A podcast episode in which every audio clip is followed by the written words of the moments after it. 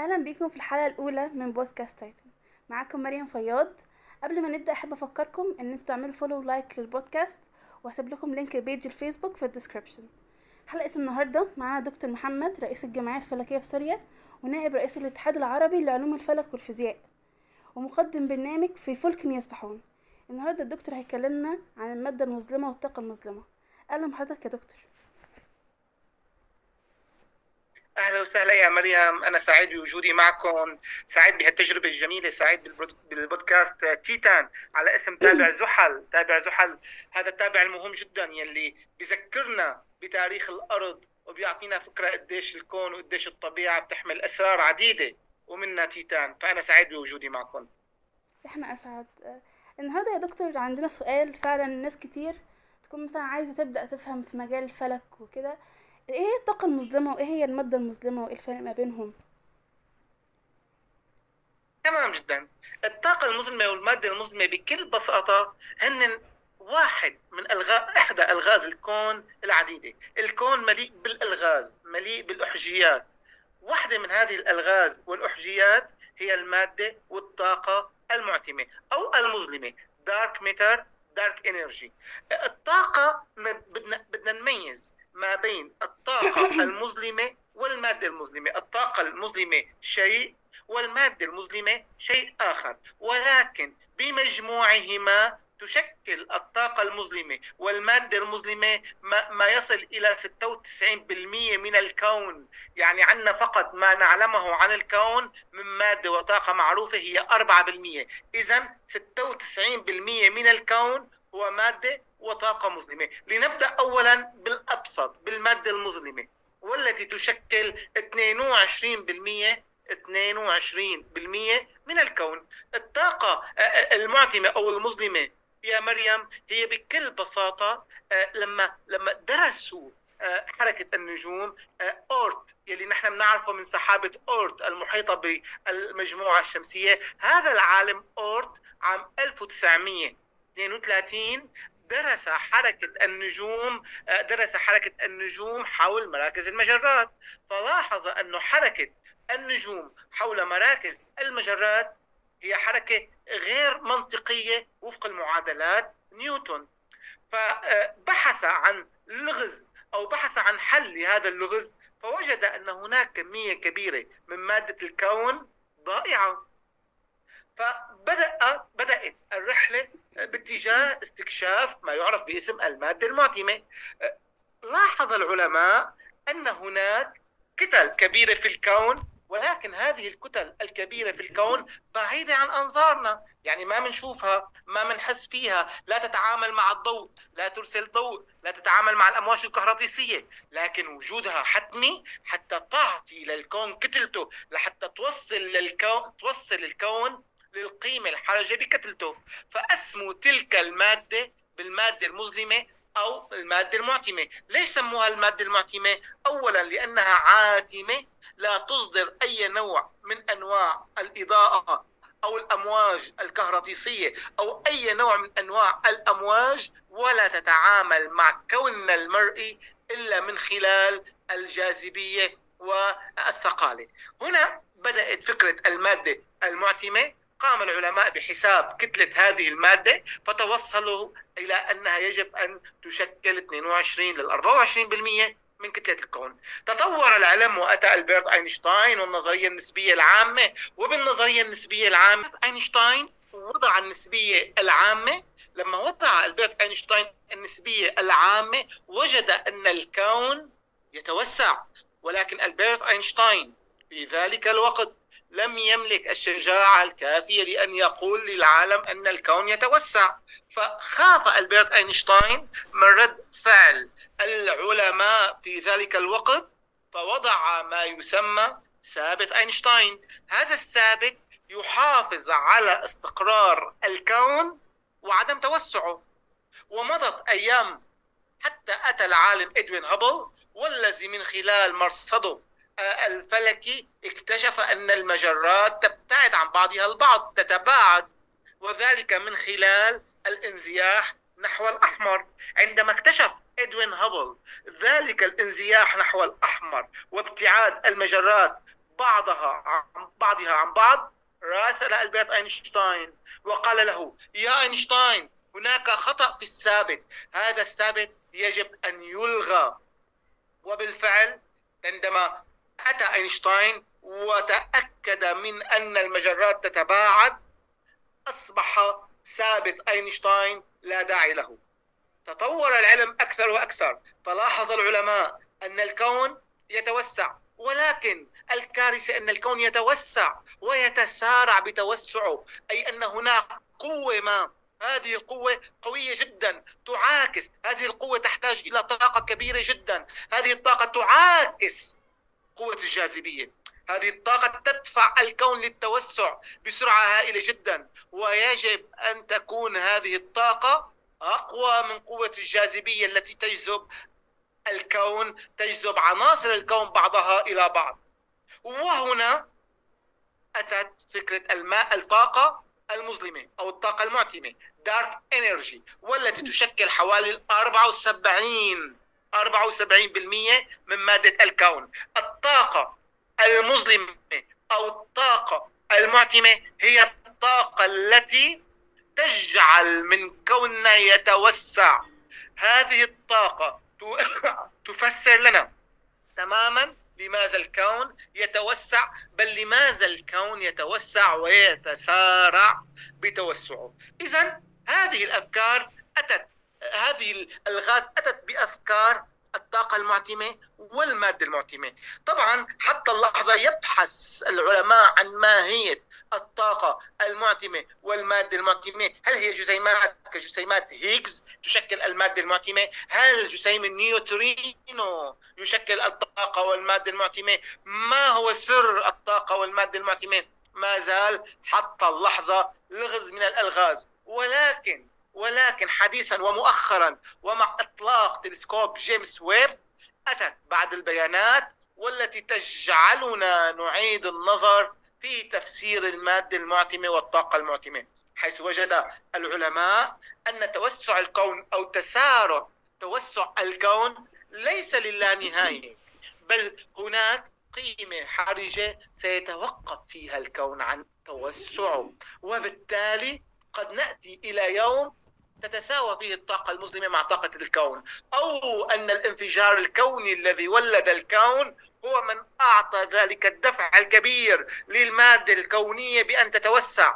وفي هذه الحالة لسنا بحاجة الطاقة المعتمة أو المادة المعتمة. إذا الطاقة المعتمة والمادة المعتمة حتى اللحظة هي عبارة عن فرضية هي عبارة عن فرضية لم تؤكد تجريب لم تؤكد رصديا ولكن التجارب توحي بأن هناك مؤشرات إلى وجود المادة والطاقة المظلمة. نعيد ونرتب الأوراق. حركة النجوم حول مركز المجرة كلما ابتعدت النجوم عن مركز المجرة كلما تباطأ حركتها ولكن الواقع العملي عكس هذا الكلام. كلما ابتعدت النجوم كلما زادت حركتها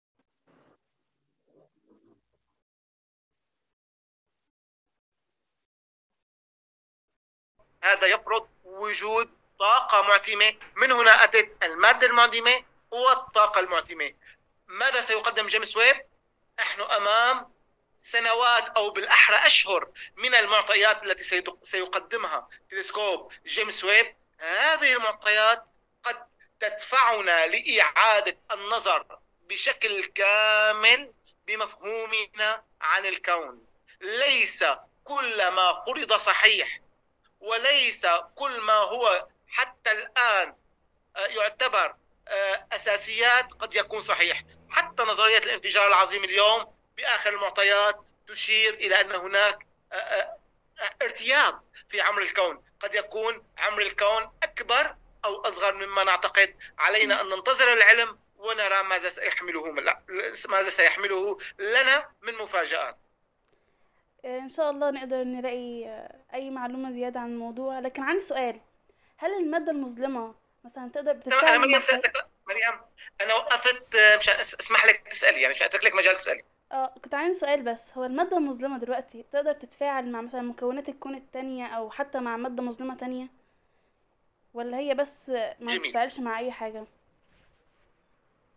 المادة المظلمة طبعا لا يمكنها التفاعل مع أي مادة أخرى لا ترى أساسا لا ترى المادة المادة المظلمة ولا ترى المادة المظلمة المادة يتفاعلان فقط جاذبيا أي أن المادة العادية تقع في براثن صقاله هائلة تشكلها المادة المعتمة. سأمضي معك خطوة إلى الأمام مريم ومستمعينك الكرام. قد يكون تكون الثقوب السوداء نفسها شكل من أشكال المادة والطاقة المظلمة لأن تفاعل الثقوب السوداء مع المادة لا يتبع الفيزياء المعروفة اليوم وبالتالي قد تكون الثقوب السوداء هي وجه من أوجه المادة والطاقة المعتمة. أضف إلى ذلك نحن جميع المؤشرات للمادة سواء للمادة تحديدا المعتمة لا تأتينا إلا من خلال وجود ثغرة سقاليه نفسرها بوجود مادة. أي أننا أساسا لا نعرف كنه هذه المادة مكنونات هذه المادة مما تتألف هذه المادة. هل هي مادة بالفعل؟ هل هي مادة باريونيه هل هي مادة تتشكل من جزيئات؟ هل هي كواركات؟ ما هي؟ لا أحد يعلم حتى اللحظة ما هي. قد لا تكون مادة أساسا ولكن ربطت بالمادة لأنها تتفاعل فقط بالجاذبية. ولهذا اعتقد العلماء بما أنها تعتمد على الجاذبية ونحن نعرف أن الجاذبية قانون الجاذبية العام يرتبط بالكتلة والكتلة ترتبط بالمادة وبالتالي هنا أتى توصيف هذا اللغز بأنه مادة معتمة. إذا وصف هذا اللغز بأنه مادة معتمة لأنه ارتبط بالجاذبية التي ترتبط بالكتلة. أما الطاقة المعتمة.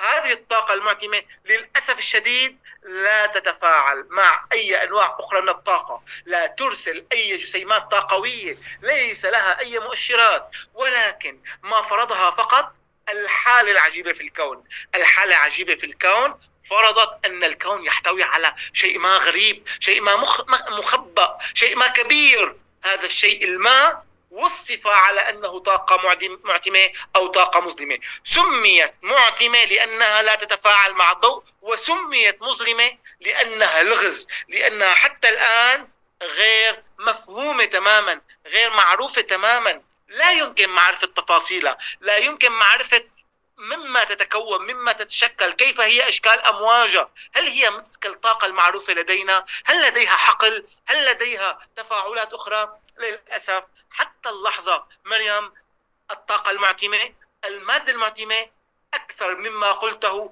للأسف الشديد لا يوجد لدى العلماء أي تفسير. يا ريت نستطيع أن نحتضن المادة المعتمة والطاقة المعتمة لأننا في هذه الحالة نوفر وقود مجاني لمركبات الفضاء. قد نوفر طاقة للأرض إذا استطعنا تسخير المادة المعتمة والطاقة المعتمة نكون قد حصلنا على مصدر مصدر طاقة لا ينضب لا ينضب للأرض. أي أننا دخلنا بمرحلة جديدة من مراحل الحضارة الكونية. تسخير المادة المظلمة والطاقة المظلمة هو شيء كبير جدا وإنجاز كبير. وتخيلي معي أن الطاقة المظلمة هي مضادة للجاذبية. هي جاذبية سالبة أي أنها تدفع الكون للتوسع يعني تعارض الجاذبية. فتخيلي لو سخرنا هذه الطاقة فكم من الإنجازات ستحمله تسخير تلك الطاقة؟ أو على الأقل كمرحلة أولى فهم وتسخير المادة المعتمة التي حتى اليوم حتى مخابرنا مفاعل سيرن وغيره لم يستطع أن ينتج ولو ذرة واحدة من المادة المعتمة إذا افترضنا أنها تملك ذرات. حتى اللحظة حاولوا أن ينتجوا مادة معتمة ولكن لم ينجحوا. وصفت جسيمات النيوترينو التي تخترق الأرض والتي تنطلق في الكون على أنها شكل من أشكال المادة المعتمة ولكن مؤخرا وجد لهذه الجسيمات كتلة محددة وأسلوب تعامل محدد فانتقلت من كونها مادة معتمة إلى كونها مادة عادية. تمام في تجربة كانت منتشرة من فترة بس أنا ملقتش موقع معين يعني موثوق متكلم عنها. بيقولوا إن في مجرتين يعني اتصدموا. وفي الانفجار اللي حصل كان في آه، بيقولوا زي تكون إحنا مش شايفينه لكن شايفين تأثيره على الصورة المجرات اللي وراه. بيقولوا ده بسبب جميل. انفجار آه، أو اتحاد المادة المواد المظلمة والطاقة اللي في جوه المجرتين. هل ده حقيقي أم آه، كل ده إشاعات؟ جميل جدا. لا هذا حقيقي تماما وكنت على اطلاع كامل بهذه التجربة التي جلس العلماء بانتظار حصولها ومتابعتها ودراسة آه، مؤشرات هذه العملية وسخرت معظم تلسكوبات العالم للقط. الأمواج الثقالية كمشروع ليجو ولقط الجسيمات النيوترينيو نيوترينوهات والأشعة المرئية وحتى تلسكوبات فضائية سخرت لمراقبة ما يحدث. بالفعل عند اصطدام المجرتين تشكل ما يعرف باسم العدسة الثقالية. العدسة الثقالية عندما نحن نضع آه، نظارات على أعيننا هذه النظارات تقوم بتغيير بحرف الضوء عن مساره. العدسات تحاول حرف الضوء عن مساره لمعالجة قصور في العين. العدسات الثقالية هي عبارة عن عدسة جاذب جذبوية عدسة ثقالية.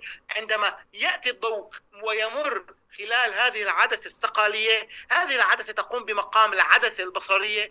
تحرف الضوء عن مساره وبالتالي نرى الجسي... نرى مجرة مثلا أو نرى نجم ولكن ليس بمكانه الصحيح.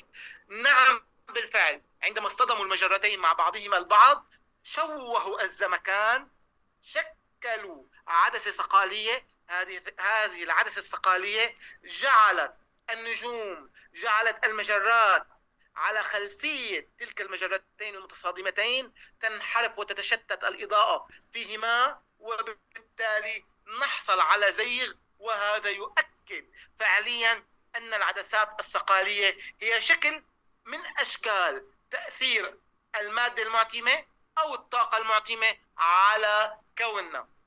نعم هي دليل ولكن ليس دليل وجود قد تفسر العدسة الثقالية بأسباب مستقبلا أخرى ولكن حاليا بالفعل هذه العدسات الثقالية تتشكل في الكون تتابع تدرس وتعطي مؤشرات على أن هناك ما زال الكون في جعبته الكثير والكثير من الألغاز. آه، أحب أشكرك جدا جدا يا دكتور على الحلقة وفعلا شرحك ما شاء الله عليك يعني. وده كان حلقتنا النهاردة. لو حد عنده أي أسئلة يقدر يكتبها في الكومنت وإن شاء الله هحاول أبعتها لدكتور محمد ويجاوب عليكم. بس أشوفكم في الحلقة الجاية. أنا سعيد جدا. شكرا يا مريم. أنا سعيد جدا بحضرتك سعيد بأنه أكون عن طريقك آه، متواصل مع متابعينك آه، مبادرتك جميلة جدا آه، حبك للعلم رائع جدا شيء جميل أن نحب العلم وخاصة علوم الفضاء والفلك لأنها العلم الذي لا حدود له علم المليء بالألغاز العلم الذي نرتحل فيه بخيالنا ولا حدود لخيالنا في علوم الفضاء والفلك. شكرا لك. شكرا لحضرتك. إن شاء الله لينا حلقة تانية إن شاء الله.